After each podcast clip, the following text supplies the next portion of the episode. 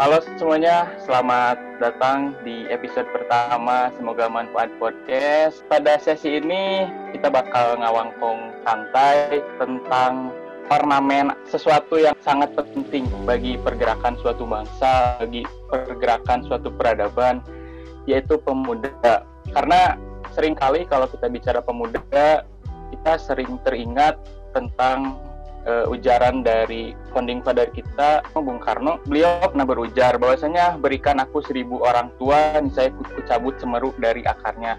Dan berikan aku sepuluh pemuda yang membara cintanya kepada tanah air dan akan kuguncang ke dunia. Itu berarti pemuda di sini memiliki peran yang sangat sentral dan sangat berperan besar bagi pergerakan suatu bangsa dan pergerakan suatu peradaban. Tapi di sini saya tidak akan sendiri sama orang yang sangat ahli dalam gerakan pemuda. Sudah terhubung bersama Narendra Ampel Danta, Ketua Komisi Kepemudaan PPI Dunia. Halo Bill, aduh. ya, ya senang nih bisa diundang nih di oleh Nabil dan semoga manfaat podcast mantap. Bagaimana kabarnya Bang? Alhamdulillah baik. Di sini cukup panas Bil 35 derajat jadi agak sumuk juga. Sangat berbanding terbalik ya di Indonesia khususnya di Bandung. Bandung kemarin sempat nyampe titik 16 derajat, Bang. Aduh, adem ya enak tuh. Kegiatan saat ini berarti di, di Jerman sibuk apa aja, Bang? Um, sibuk menjadi mahasiswa Jadi ya kemarin sempat ya habis ujian ya, ujian, paper, deadline, lalu ada beberapa kerja-kerja juga serabutan, dikit-dikit nama-nama buat apa dapur biar ngembul ya. Lalu juga apa namanya di PPI Jerman pun udah mau berakhir, jadi lagi sibuk dengan LPJ aja udah selesai di PPI dunia terakhir. Jadi Agustus ini lah penghabisan semua. Itu aja sih. Berarti uh, berarti Nabil ini ngundang sebagai ketua kepemudaan dunia berarti PP dunia berarti masih sangat tepat gitu Mama. Masih sampai uh, tanggal 27 Agustusan lah, akhir Agustus. Oh, berarti masih aman lah ya. Aduh, ya ya nggak apa-apa.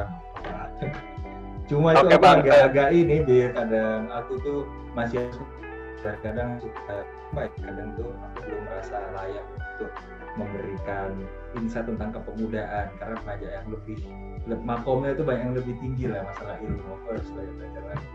Itu aja. Jadi oke okay, okay. baik baik. Ini bang bicara tentang pemuda ya. Ya setelah tadi di awal Nabil menyebutkan bahwasanya Bung Karno dulu sangat berharap sekali terhadap peran pemuda khususnya pemuda di zaman dulu gitu. Nah tapi melihat kondisi sekarang pemuda setelah adanya uh, teknologi yang sangat memadai untuk perkembangan dunia. Uh, hal yang pertama bakal Nabil pertanyakan, how do you think about youth today, Bang? Kalau misalkan kita bicara pemuda hari ini itu tentu pasti kita tidak bisa samakan dengan yang berpuluh-puluh tahun sebelumnya.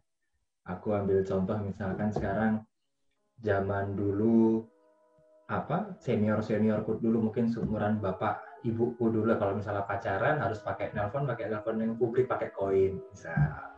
Kalau sekarang kan kita kalau janjian bisa pakai WhatsApp aja kan? Dia lagi di mana? Iya iya. Itu satu. Lalu kita lihat dari apa namanya sekarang itu anak muda dibantu dengan teknologi sosial. Sekarang kita semua bisa menjadi media. Kita bisa mengkritisi jadi jadi ibaratnya uh, Nabil bisa menjadi media dengan sosial mediamu bisa mengkritisi segala macam dan itu uh, yang membedakan betul dengan yang dulu-dulu. Tentu ini kan nanti akan banyak tantangan di sini karena kalau dulu akses informasi juga tidak sedemikian deras sekarang. Kalau sekarang Nabil bisa cek apa pun di Google, ya kan? Cek up, up cek apa pun, uh, apa pun itu akan menjadi tantangan baru tantangan baru di generasi yang baru. Contoh misalkan um, akses informasi yang begitu beras ini tentu bisa menjadi polemik kalau misalkan kita tidak bisa membentengi diri. Bisi hoax juga bisa timbul di sana, mungkin ada radikalisme di sana atau apa pun polarisasi masyarakat itu sekarang bisa terjadi gara-gara HP juga bisa hal-hal yang mungkin dulu tidak pernah terbayangkan teknologi bisa ibaratnya bisa mendivide sebuah sebuah komunitas itu kan dulu tidak pernah terbayangkan teknologi. Jadi sebetulnya kalau misalkan kita lihat saja ini perbedaannya yang cukup jauh. Aku ambil contoh yang paling simpel aja. Jadi um, aku belum lama melihat satu ini Bill satu kajian dari IDN ya kalau Indonesia. Ada dia bikin satu survei tentang kepemudaan itu 70% dari anak-anak muda nih yang jumlahnya sekitar 64 jutaan itu bangun tidur aja udah cek HP 1 sampai 2 menit. Jadi baru baru alarm bunyi sebelum pasti langsung nih WhatsAppnya ada apa, Twitternya ada apa, Instagramnya ada apa. Ini menandakan bahwa anak-anak zaman sekarang itu uh, tidak ingin sedetik pun ter ketinggalan informasi-informasi terkini. Karena semuanya kan udah bisa masuk ya. Jadi itu menurutku teknologi dan segala dinamikanya yang membedakan generasi kita dan generasi dulu. Mungkin itu dulu kali ya. Mungkin masih banyak lagi terkait terkait yang bisa bisa bisa sampaikan tapi supaya bahasa nanti ngambil Oke, uh, penjelasan yang sangat memang di lapangannya terjadi seperti itu gitu bang ya. Tapi kan barusan bang Rake uh, menyebutkan uh, 64 juta kurang lebih lah pemuda Indonesia ketika memang bangun tidur itu kan uh, langsung buka cek HP gitu dengan dengan asumsi bahwasanya tidak ingin ketinggalan informasi. Tapi ya kita bicara pemuda ketika memang buka HP langsung tuh bukan mengecek informasi bang tapi uh, ada nggak nih chat dari doi misalnya atau chat dari ah. gebetan nah itu gimana bang itu gimana ya memang itu. Jadi uh, apa itulah tadi aku sempat sampaikan ya.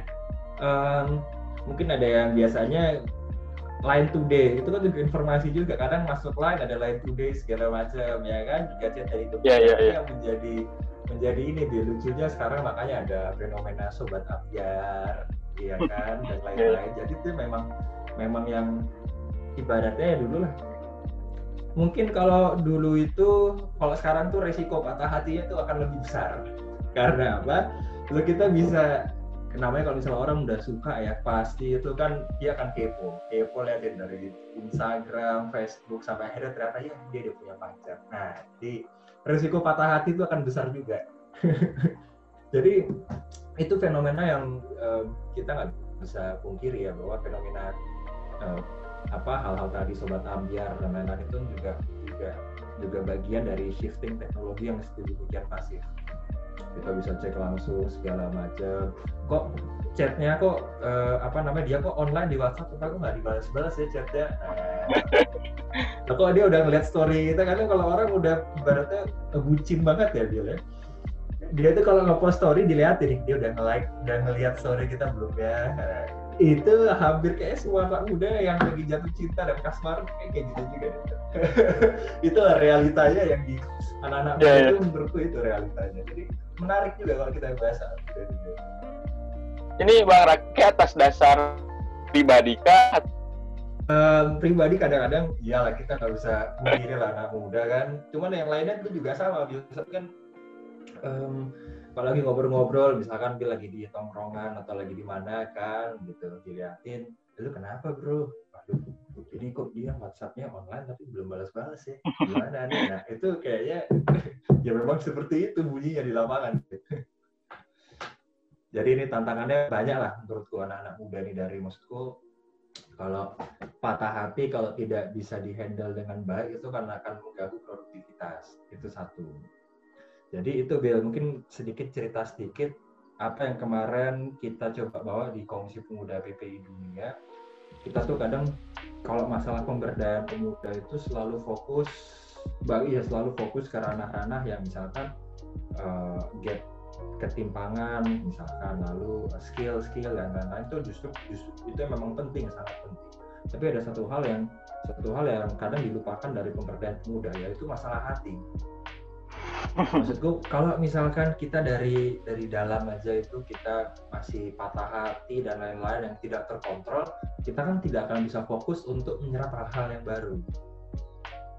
Itu poinnya. Jadi misalkan ada yang orang patah hati atau galau itu kan bisa sampai berlarut-larut bil. Nah itu loh. Jadi itu jarang ada yang menyentuh ke sana. Makanya kemarin itu kita sempat bikin satu slogan uh, patah hati itu wajib dijogeti jadi santai aja bro bersedih tapi ya jangan terlalu berat lalu hal-hal seperti itulah waktu itu kita pernah bikin satu siaran uh, radio itu tentang quarter life crisis dan patah hati dan lain-lain itu jadi satu dengan ada psikolog dan juga orang yang sudah melewati hal, -hal tadi.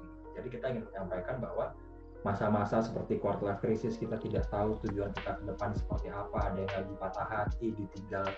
Apalagi yang aku membawa contoh di Jerman itu karena kita lulusnya tuh pasti lama, Bil, umur 25-an ya.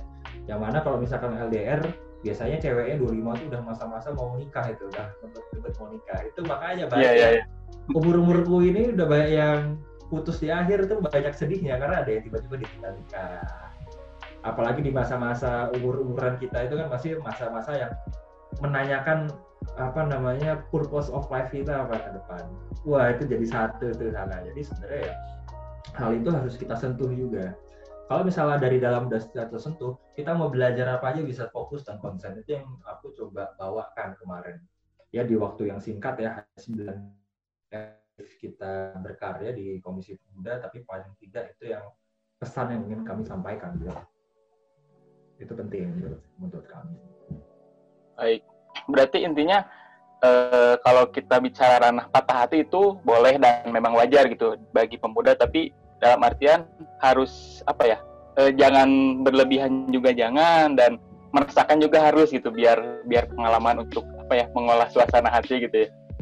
Um, aku tuh pada ngobrol waktu pas dengan siaran radio itu bagus bahwa kita jangan pernah membohongi perasaan kita. Jadi enggak kok kok nggak sedih, enggak kok kok nggak apa bersedihlah saja sehari. Kita liatin sampai ibarat tuh kalau orang Jawa tuh bilangnya sampai gumuh gitu sampai enak gitu ngeliatin fotonya ganteng segala macam. Ya udah akhirnya besok kalau katanya lagunya Monita Ahalia kalau anda belum pernah dengar memulai kembali. Nah, sampai kita bisa mulai kembali. Untuk jadi move on kan bukan berarti kita mencari yang baru. Bisa berarti kita yeah. belajar skill baru ya kan? Kita bisa bikin podcast kita bisa bikin dulu.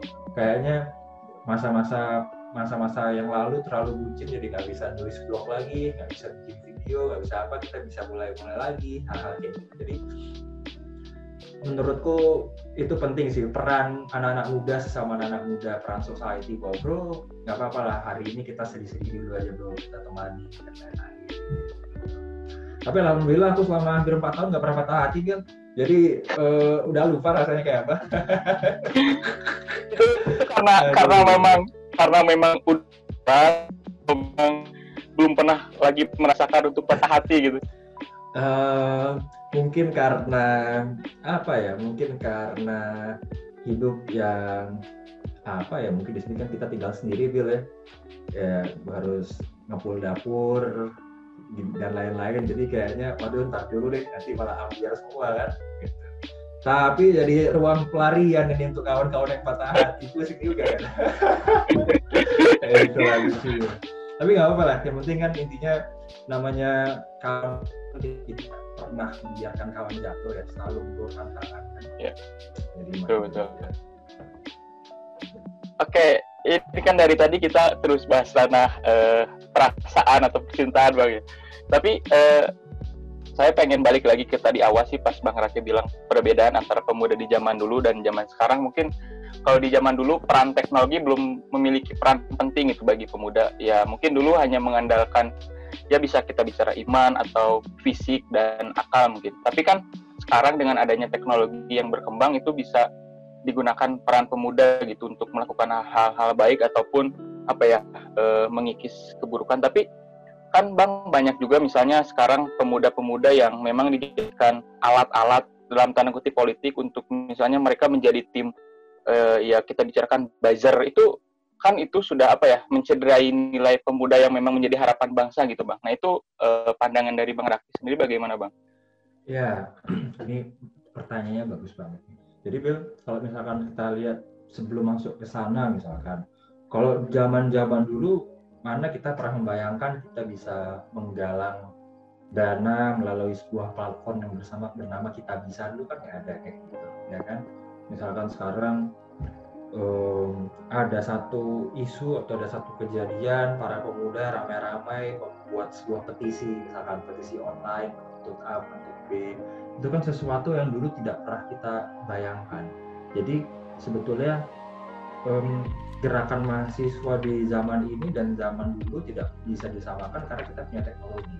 Kita bisa menggalang dukungan online ya kan?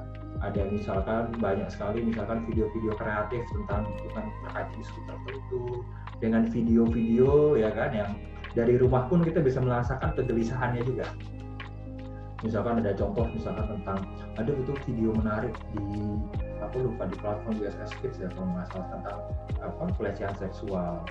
Itu video dikemas dengan sangat baik seperti apa sih di sana terjadiannya kayak apa bagaimana cara kita bisa bisa sama-sama bantu biar biar itu tidak ada lagi itu benar-benar kita dari rumah pun bisa merasakan kegelisahan kita bisa take action bisa jadi hal-hal yang hal-hal yang memang ini menjadi satu hal yang cukup berbeda dari menggalang dana dan lalu yang masalah basis tadi itu uh, Bill yang itu sampaikan di awal bahwa ini tantangannya. Jadi ketika um, ini adalah satu satu satu buah dari reformasi. Ketika reformasi ada akses informasi dan lain-lain masyarakat berdemokrasi itu adalah satu buah dari demokrasi ya awalnya kita bebas mengeluarkan opini, bebas mengeluarkan ABCDE, ya kan, dan masalah buzzer dan lain-lain itulah yang apa ya itulah yang menjadi tantangan memang. Kita tidak bisa pungkiri. Lalu siapa yang bisa ngatur kan? Ini siapa yang bisa ngatur? Karena semua orang bisa menjadi media untuk dirinya sendiri. Nah itu yang menjadi tantangan. Menurutku sekarang bagaimana ya anak-anak muda aku selalu aku selalu bilang aku selalu selalu aku sampaikan bahwa anak-anak muda kita bisa kok merawat ibu pertiwi dengan jarimu sendiri.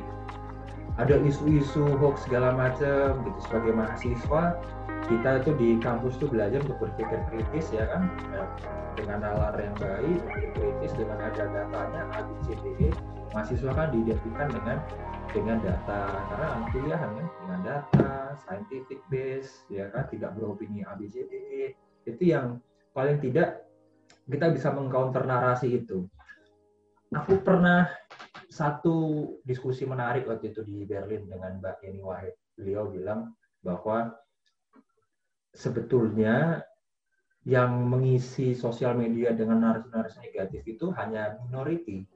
Jadi noisy minority itu banyak. Permasalahannya yang majority jadi yuk yang yang silent majority ini kita mulai mulai kita mulai mulai aktif mulai mulai apa tidak ada counter narasi di sana jadi menurutku itu tantangan sih ya. tinggal bagaimana kita mau mau bertiganya seperti apa apakah kita mau silent terus atau menjadi silent minority atau kita menjadi seperti antitesa untuk paling tidak ada penawarnya lah dari noisy minority ini yang kadang betul tadi ada buzzer dia mengkampanyekan hal-hal yang berbau negatif dan lain-lain perpecahan polarisasi di masyarakat seperti itu. Oke, okay. itu kan tentang problem ya. Nah ini eh, sedikit bicara tentang data yang memang bakal kita hadapi ya kurang lebih 10 sampai tahun ke depan tentang bonus demografi gitu kan. Tadi kan Bang Rakesh sudah mengemukakan eh, populasi pemuda di Indonesia sekarang kurang lebih mencapai 64 juta pemuda gitu. Sedangkan eh, ya kita bicara tentang bonus demografi kan eh, ber, berarti bakal menghasilkan lebih dari yang telah tadi kita sepakati 6, kurang lebih 60 64 juta pemuda berarti mungkin 2 sampai 3 kali lipatnya gitu. Tapi kalau memang nanti pemuda dari sekarang tidak apa ya, tidak kita e, manfaatkan atau ya kita sebagai pemuda tidak melakukan apa pun itu hal-hal yang baik untuk kemudian hari itu kan bakal menjadi bom waktu gitu bagi khususnya bagi negara Indonesia gitu. Nah, e, peran pemuda yang seharusnya kita lakukan untuk menghadapi bonus demografi itu kalau menurut Bang Raki seperti apa gitu Bang? Uh, ralat sedikit tadi Bill, jadi 64 juta itu adalah data dari BPS dan Kemenpora. Aku nanti ada datanya untuk kirim ke Nabil, itu jumlah pemuda di Indonesia itu 64 jutaan berapa? 63 sampai 64 jutaan. Lalu, nah ini aku mungkin sedikit cerita tentang pengalaman di Komisi Pemuda. Jadi begitu Komisi Pemuda terbentuk, kami di tim itu brainstorming kira-kira uh, apa aja nih yang menjadi bagaimana anak muda bisa bisa apa bagaimana anak muda bisa bisa survive dalam bonus demografi ini. Jadi kita tanya dengan yang apa dengan para ahli dan tokoh-tokoh pemuda. Aku pernah ngobrol juga dengan apa dengan Bang Arif Roshid misalkan dari yang dari apa, ketua PBHMI 2013-15 seniorku juga Mas Agus di PBPMI jadi para tokoh-tokoh muda ini aku diskusi apa ya mas yang menjadi ini ke depan lalu hasil diskusi ini aku bawakan ke tim kira-kira konsepnya gimana nih pemberdayaan pemuda karena sebetulnya aku juga perlu layak untuk bicara ini tapi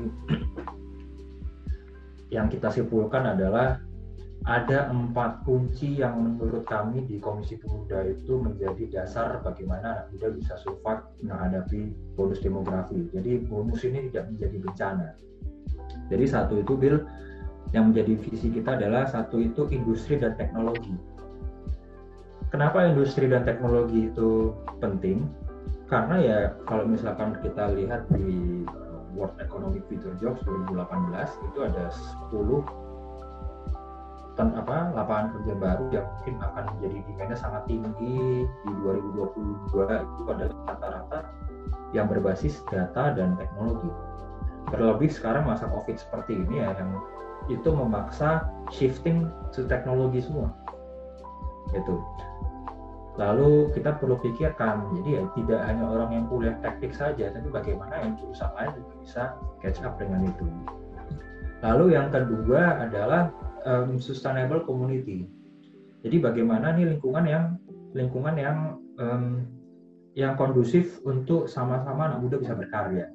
Bagaimana anak muda bisa menciptakan ruang itu, bagaimana perempuan juga bisa bisa nyaman dalam berkarya tanpa natif, ya kan? Bagaimana aku tidak peduli dengan apa suku agamamu asalmu dari mana kita sama-sama mensupport bagaimana lingkungan ini bisa sama-sama membuat kita nyaman dalam berkarya. Itu jadi tidak ada yang saling menggurui kita saling menghargai. Kalau misalkan itu dalam lingkungan yang baik itu aku rasa potensi-potensi akan terus terus tumbuh. Lalu ketiga Bill um, apa namanya nasionalisme milenial itu penting. Bagaimana anak muda yang cinta tanah air. Karena menurutku aku tuh sempat sedih sebetulnya ketika aku tahun lalu pulang ke Indonesia di satu kota. Ini kota yang dengan kota budaya kenalnya itu ada bangunan baru kebanyakan itu bangunannya itu arsitektur itu benar-benar arsitektur modern. Jadi tanpa berakulturasi dengan dengan dengan sentuhan lokal. Itu yang aku sangat sayangkan. Jadi mungkin kalau misalkan anak-anak yang cinta tanah air mungkin kan ketika dia sudah menjadi pejabat publik atau apa dia bisa bikin aturan yang misalkan harus ada sentuhan lokal dan lain-lain. Misalkan seperti itu tidak hilang gitu. Dan itu juga sangat berpengaruh. Kalau misalkan kita cinta dengan tanah air apa pun yang kita kita lakukan dan kita kerjakan itu pasti akan mementingkan kepentingan bersama terlebih dahulu itu yang penting karena uh, banyak juga kawan-kawanku di sini ya apa ya ya ini kita tidak bisa salahkan. Orang kan juga punya keputusannya masing-masing tapi ada yang wah gue mau ganti warga negara aja deh gue mau aja deh itu juga cukup banyak. Jadi sangat disayangkan. Walaupun kita harus menghargai apa yang jadi pilihan. Lalu yang keempat adalah tadi aku menyebutnya empowering the youth jadi eh, apa namanya bagaimana kita bisa tadi masalah hati dan lain-lain itu yang kadang kita tidak bisa tidak luput dari aspek pembangunan pemuda. Jadi patah hati, court life itu harus kita harus kita tangani dengan baik. Karena apa? Itu menjadi dasar di, di kita. Jadi kalau dalam diri mental kita sudah sudah oke, okay, kita fokus, kita bisa melewati patah hati dengan baik, kita akhirnya bisa berpikir yang lebih progresif. Jadi kalau misalkan masih patah hati, masih tidak fokus dan lain-lain, kita tidak bisa belajar hal yang lain. Jadi empat kunci ini, industri teknologi, sustainable community, yang isinya masalah-masalah laten hati anak-anak muda. Itu gitu. Yang yang empat itu. Lalu kemarin aku dengan tim nanti mungkin aku bisa kirim ke Nabil jadi kita bikin webinar dengan para ahli dari ada yang apa profesor Indonesia yang ahli industri 4.0 di Jerman dengan waktu itu ngobrol dengan Pak Hanif Yakiri dulu mantan Menaker itu kira-kira bagaimana kita bisa membantu anak muda menghadapi bonus demografi. Ada contoh bagus di ada contoh bagus di um, Finlandia. Di Finlandia itu misalkan itu mengedepankan betul yang namanya multidisiplin. Jadi nggak peduli jurusanmu sosial, ya teknik. Jadi dalam anak-anak kecil itu dia tuh misalkan dia itu apa namanya yang IPA, IPS dalam satu kelompok memecahkan satu tugas bersama. Jadi ada, ada disiplin ilmu di sana. Di Tiongkok misalkan dalam masih dalam dasar itu sudah di, sudah dimasukkan kurikulum Introduction to Artificial Intelligence itu sudah masuk ya kan? Terus apa yang contoh yang baik lagi itu sebetulnya kemarin aku ngobrol dengan dengan staf ahli gubernur Jawa Tengah. Dia bilang di Jawa Tengah itu sudah ada misalkan satu pabrik itu bekerja sama dengan SMK misalkan. Jadi nanti lulusannya bisa ditampung di sana. Jadi kalau ada ada ada terminologi namanya triple helix pembangunan bagaimana pemerintah eh, kampus ya kan pemerintah kampus dan juga uh, pihak industri itu bisa bersinergi. Nah itu yang menjadi contoh yang contoh yang menurutku baik sih. Makanya aku kalau misalnya ngobrol dengan kawan-kawan di di gerakan misalkan, bro dari 100 skala 1 sampai 100 dalam apa dalam dalam gerakan ini sisihkanlah 20% untuk masalah perutmu sendiri. Jadi jangan luas selalu masalah yang makro, misalkan kayak BDM, korupsi itu baik bahwa mahasiswa adalah oposisi terbaik bagi pemerintah. Tapi 20 persennya untuk kita lah minimal.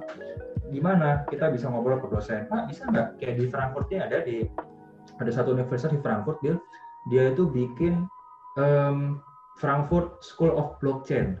Jadi misalkan di kampusnya Nabil misalkan ada ada khusus uh, apa misalkan School of Blockchain.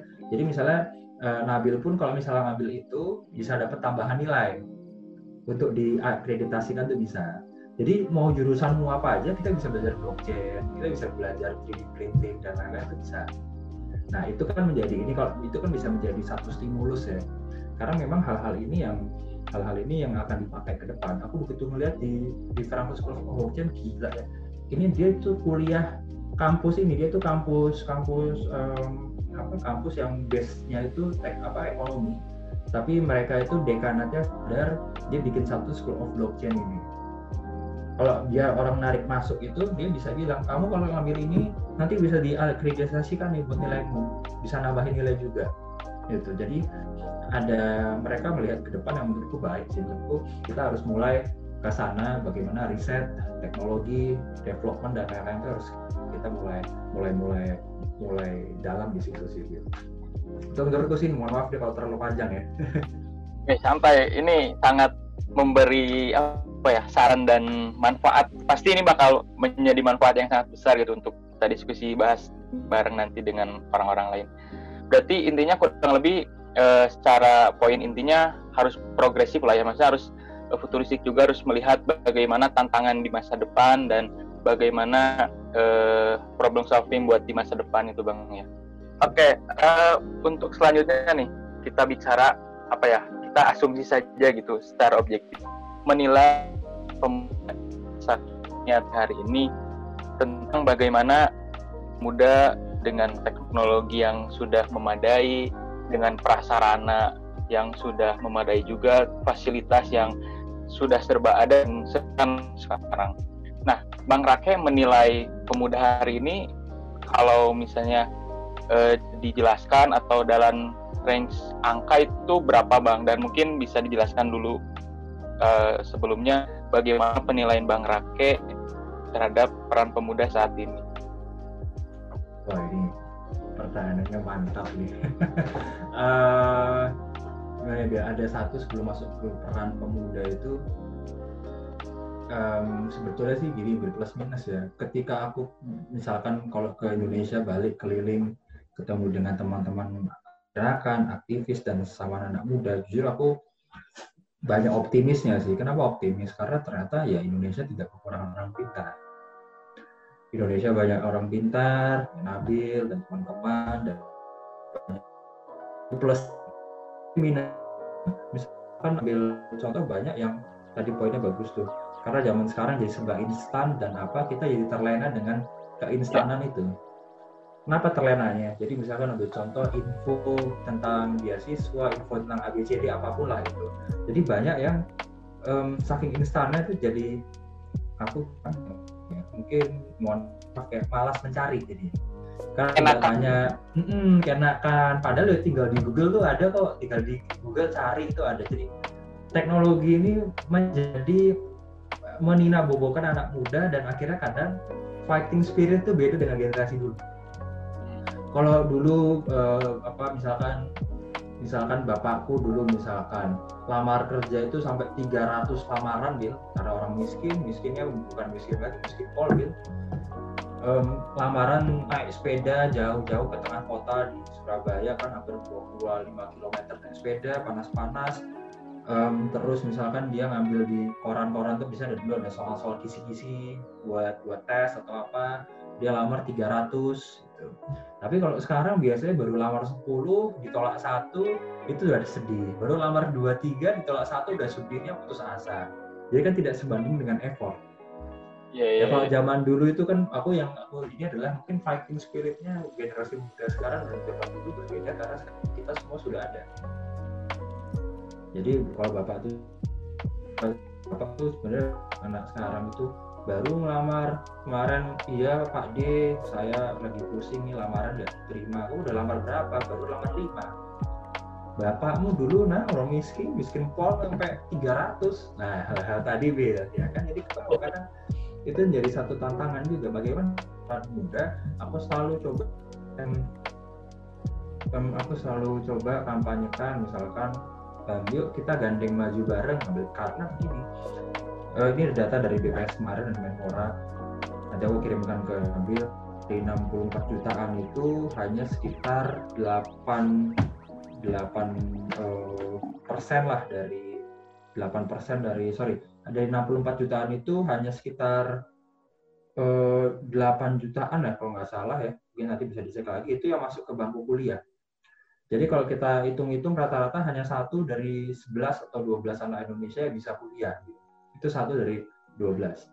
Nah, yang jadi masalah lagi adalah dari satu ini yang bisa kuliah, kalau kita lihat data BPS 2018 terakhir atau 2019 ya, ini kita bicara sebelum COVID ya, itu yang menjadi penyumbang tingkat pengangguran tertinggi kita justru dari SMK dan universitas. Nah ini yang kuliah satu dari 12, tapi satunya ini jadi penyumbang angka tertinggi tingkat pengangguran terbuka. Padahal SMK itu seharusnya menjadi sebuah obat untuk mencegah pengangguran, tapi justru malah penyumbang terbesar dari universitas. Kalau kita pertanyaan, lo ada apa ini kok bisa? Berarti mungkin apa mungkin karena tidak apa pendidikan hanya di maksud ini bila apa yang aku pernah ambil contoh misalkan ada satu apa teknologi di chemical seperti itu pengolahan limbah dan lain-lain karena ibu dan bapak bergerak di sana itu ada satu teknologi yang baru masuk ke Indonesia di Jerman udah 25 tahun yang lalu sudah ada. Jadi telat sekali. Namanya juga pendidikan kan apa yang disampaikan A nanti mungkin lima tahun 10 tahun lagi sudah berbeda lagi karena ada banyak ininya kan. Jadi mungkin apa tidak bisa catch up dengan materi ke depan dan lain-lain. Jadi maksudku di sini adalah peran kolaborasi itu penting. Bagaimana anak-anak yang bisa kuliah ini minimal bisa bisa membantu mendorong yang masih tertinggal, bagaimana anak-anak diaspora yang di luar bisa berkolaborasi dengan yang ada di Indonesia. Karena apa? Aku ambil contoh secara besar lagi sebelum masuk kecil. Aku pernah baca satu studi dari Friedrich Ebert Stiftung, Bill, dia bilang salah satu hal yang membuat energi terbarukan di Indonesia itu mangkrak itu salah satunya karena tender. Tender berbelit, korupsi dan lain-lain, birokrasi, kan menjadi dalam arti gini. Kami yang di luar negeri tidak terlalu tahu lapangannya seperti apa tapi Nabil dan kawan-kawan kan tahu. Kalau kita berkolaborasi biarkan yang di luar bawa teknologinya yang di bawah membantu dari sisi demokrasi kita sharing lapangannya seperti apa dan lain-lain itu bisa bagus. Daripada kita saling oh enggak nih kakak kita lebih bagus lebih bagus gitu. Jadi um, menurutku kita jangan gontok-gontokan kita kolaborasi aja. Karena inti dari kita mencapai bonus demografi kita kolaborasi. Apa yang nggak ku nggak ku tahu aku bisa aja dari Nabil. Kayak gitu kan jadi ada satu sharing di sana. Ambil contoh kayak kemarin lah aku ingat satu diskusiku yang aku tidak akan pernah lupa waktu di UNJ tahun lalu. Kami saya aku mewakili dari Komisi Pemuda kita bikin satu diskusi yang menarik tuh Bill jadi daripada kita gontok-gontokan kenapa kita jadi satu saja jadi ada program PP Dunia dari Komisi Pemuda ada dari PMII, UNJ, HMI, BMNI, kami dimoderatori oleh perwakilan BMUNJ. Kita share ini tantangan ke depan apa, apa yang bisa kita kolaborasikan, hal-hal itu yang menurutku, wah ini satu pertanda yang baik.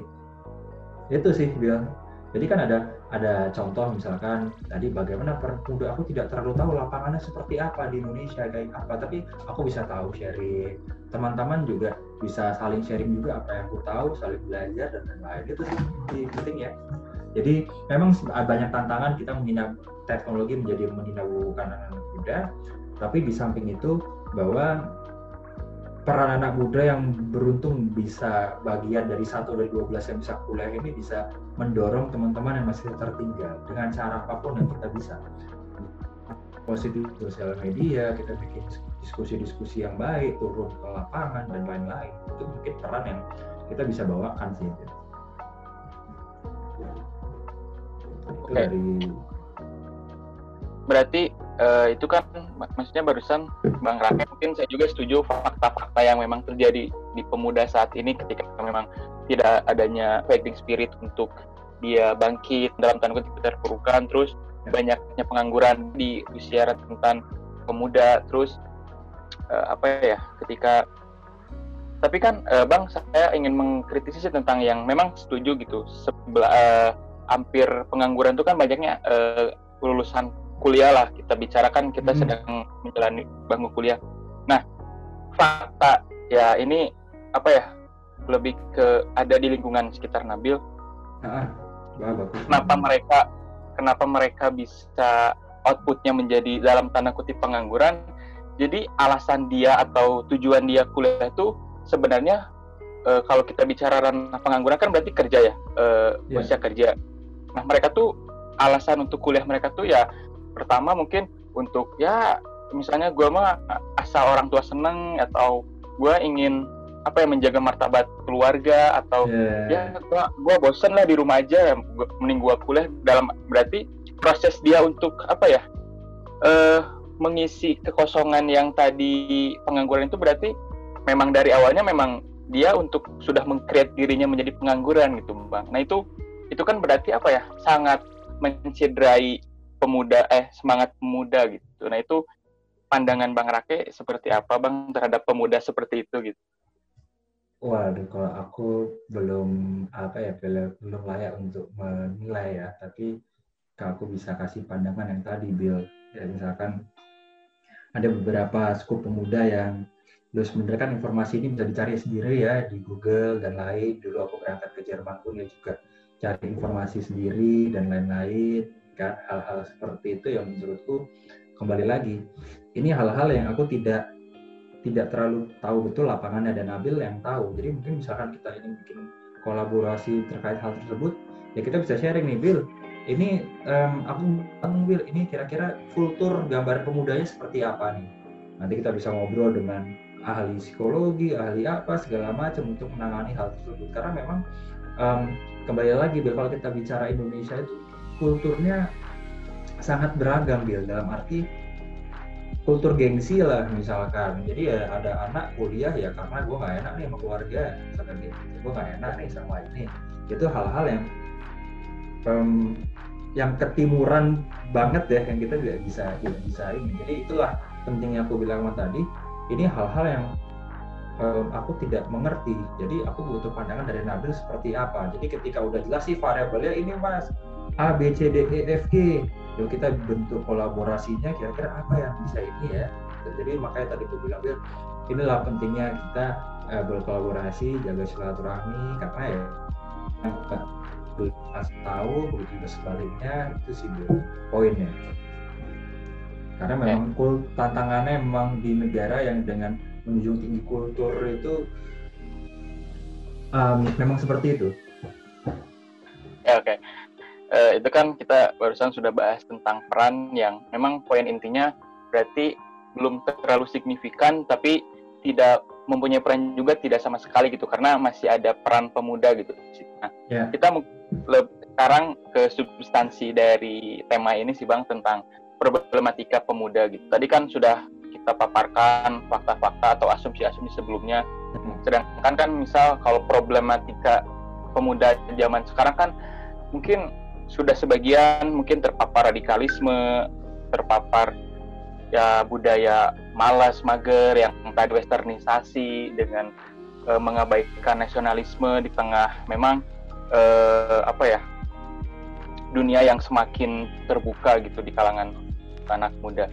Nah, solusi yang paling konkret yang bisa kita lakukan nih Bang sebagai pemuda untuk apa ya mengikis problem-problem uh, itu yang memang pada hakikatnya problem itu bakal terus seiring berjalannya waktu bakal terus ada gitu tapi setidaknya untuk apa ya memperbaiki lah gitu citra pemuda di hari ini seperti apa?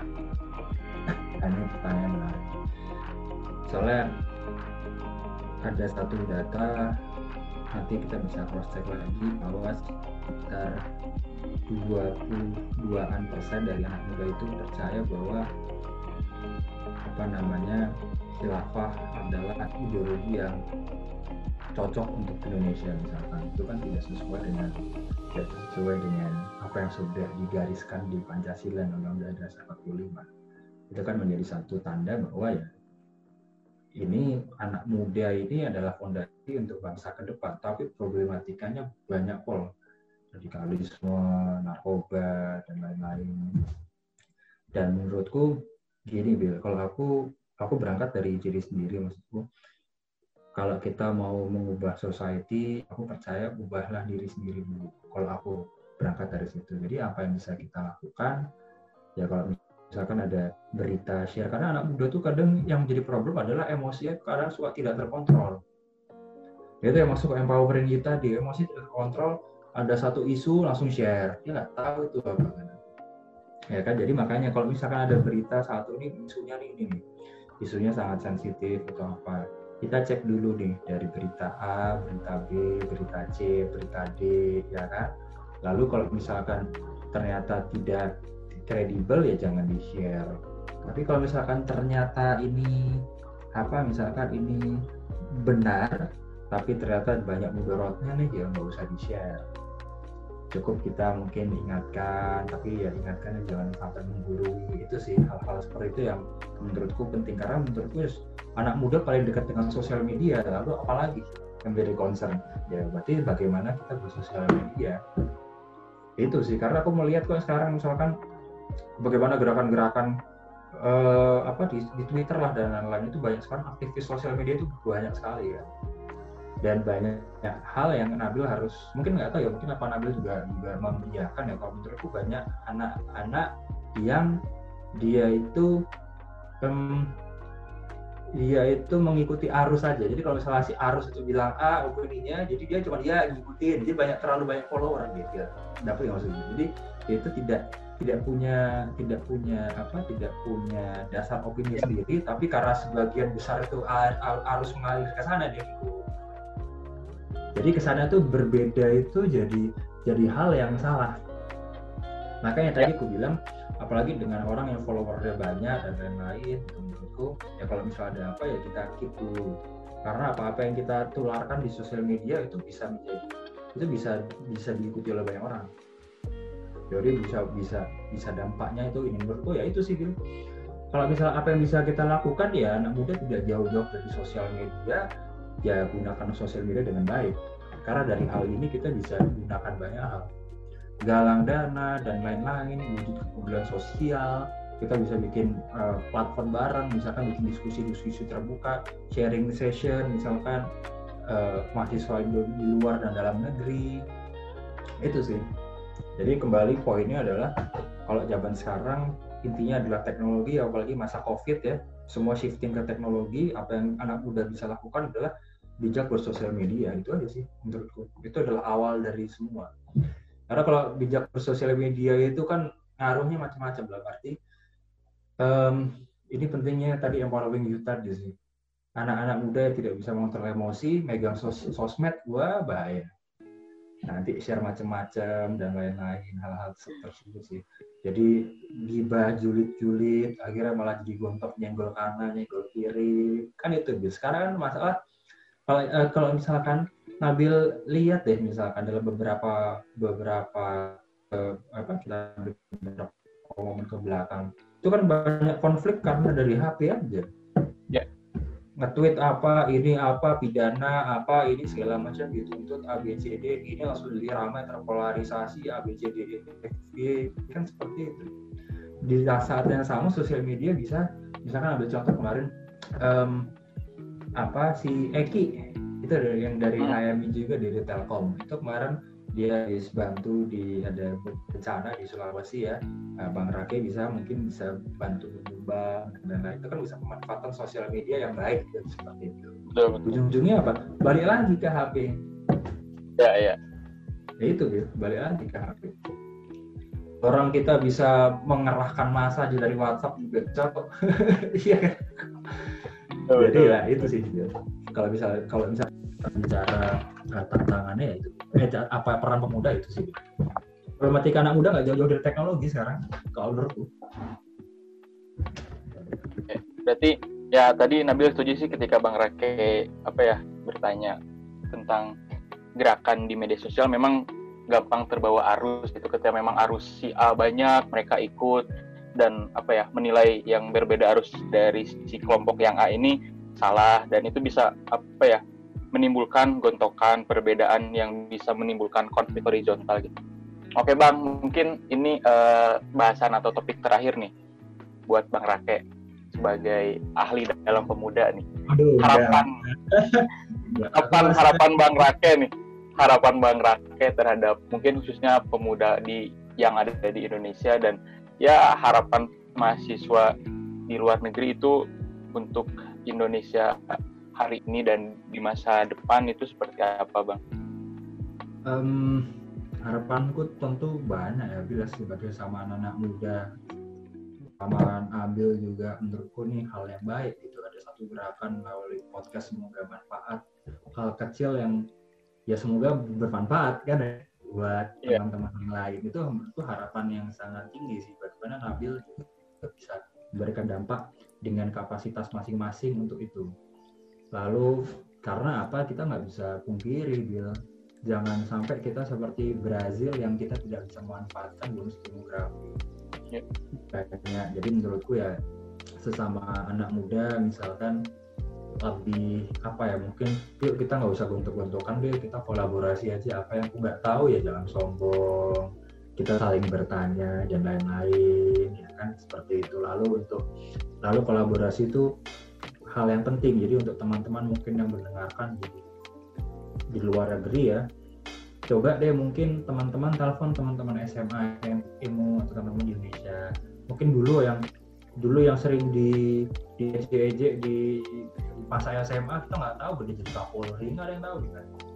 Telepon lagi gimana bro? Kabarnya jalan silaturahmi? Karena silaturahmi kan memperpanjang rezeki.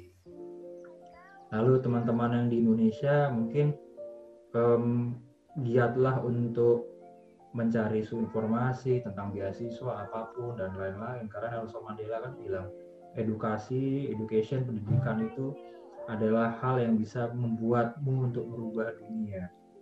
Kalau tidak dunia, paling tidak lingkungan di sekitarmu. Kalau tidak lebih kecil lagi dirimu sendiri. Yeah. Ya kan, jadi jangan malas untuk menuntut ilmu, bacaan semua banyak dari Google itu semua ada, info kalau males baca infografis pun bisa YouTube pun banyak dan lain-lain jadi jangan lelah untuk belajar kolaborasi saling menghargai ya kan kalau misalkan kita saling menghargai kita menghargai sesama itu udah otomatis kita bisa bijak di sosial media. Jadi tenggang rasa saling menghormati gitu. Ada batu di jalan ada pinggirin itu menurutku otomatis. Nanti kita kalau bersosial media juga kita mikir-mikir kok wah kalau aku ngetik ini kayak nanti aku nggak respect sama dia. Hal kayak gitu. Jadi menurutku intinya itu sih sebelum kita naik ke atas naik ya insya Allah kalau misalkan kita udah saling menghargai itu mestakung bil. Semesta mendukung lah insya Allah. Yeah. kolaborasi saling menghargai dan bijak bersosial media. Menurutku itu sih intinya dan kita jangan abai dengan society. Kalau ada yang masih ketinggalan ya kita tarik yuk. Gitu. Kita tarik yuk. Gitu kita dorong yuk. Yang menjadi bagian satu bisa kuliah tadi ini um, pergunakanlah kesempatan untuk kuliah dengan baik. Yang organisasi juga um, bagus untuk menjadi aktivis tapi edukasi pendidikan tetap harus yang utama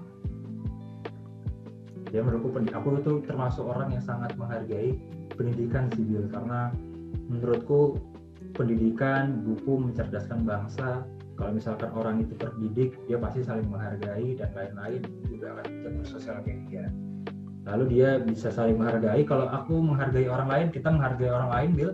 Jadi kan kita kalau belajar tuh enak kan ya. Kita datang yeah. tolong, kita nggak ngerasa pinter nih, gitu.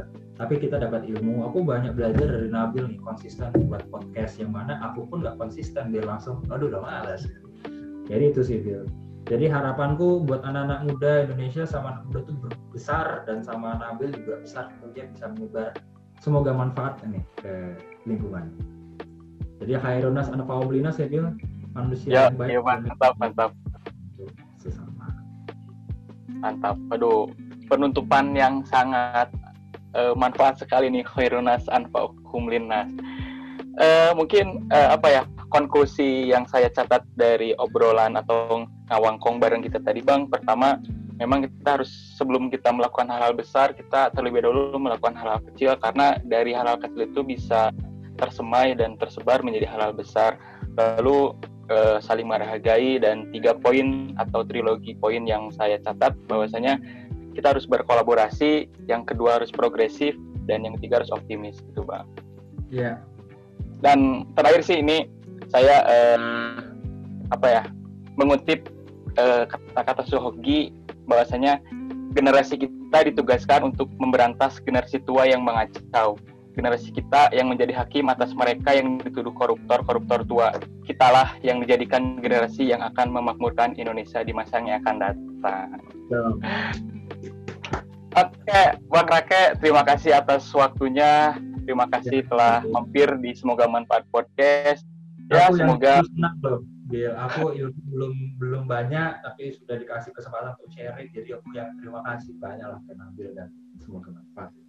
Baik, ya semoga dari ngawangkung bareng kita tadi bisa menimbulkan atau bisa menghasilkan manfaat-manfaat untuk eh, didengarkan oleh siapa pun nanti dan bisa di apa ya nilai-nilai yang setelah kita tadi utarakan bisa digunakan juga Oke, eh, terima kasih para pendengar di Semoga Manfaat Podcast. Semoga ada manfaatnya.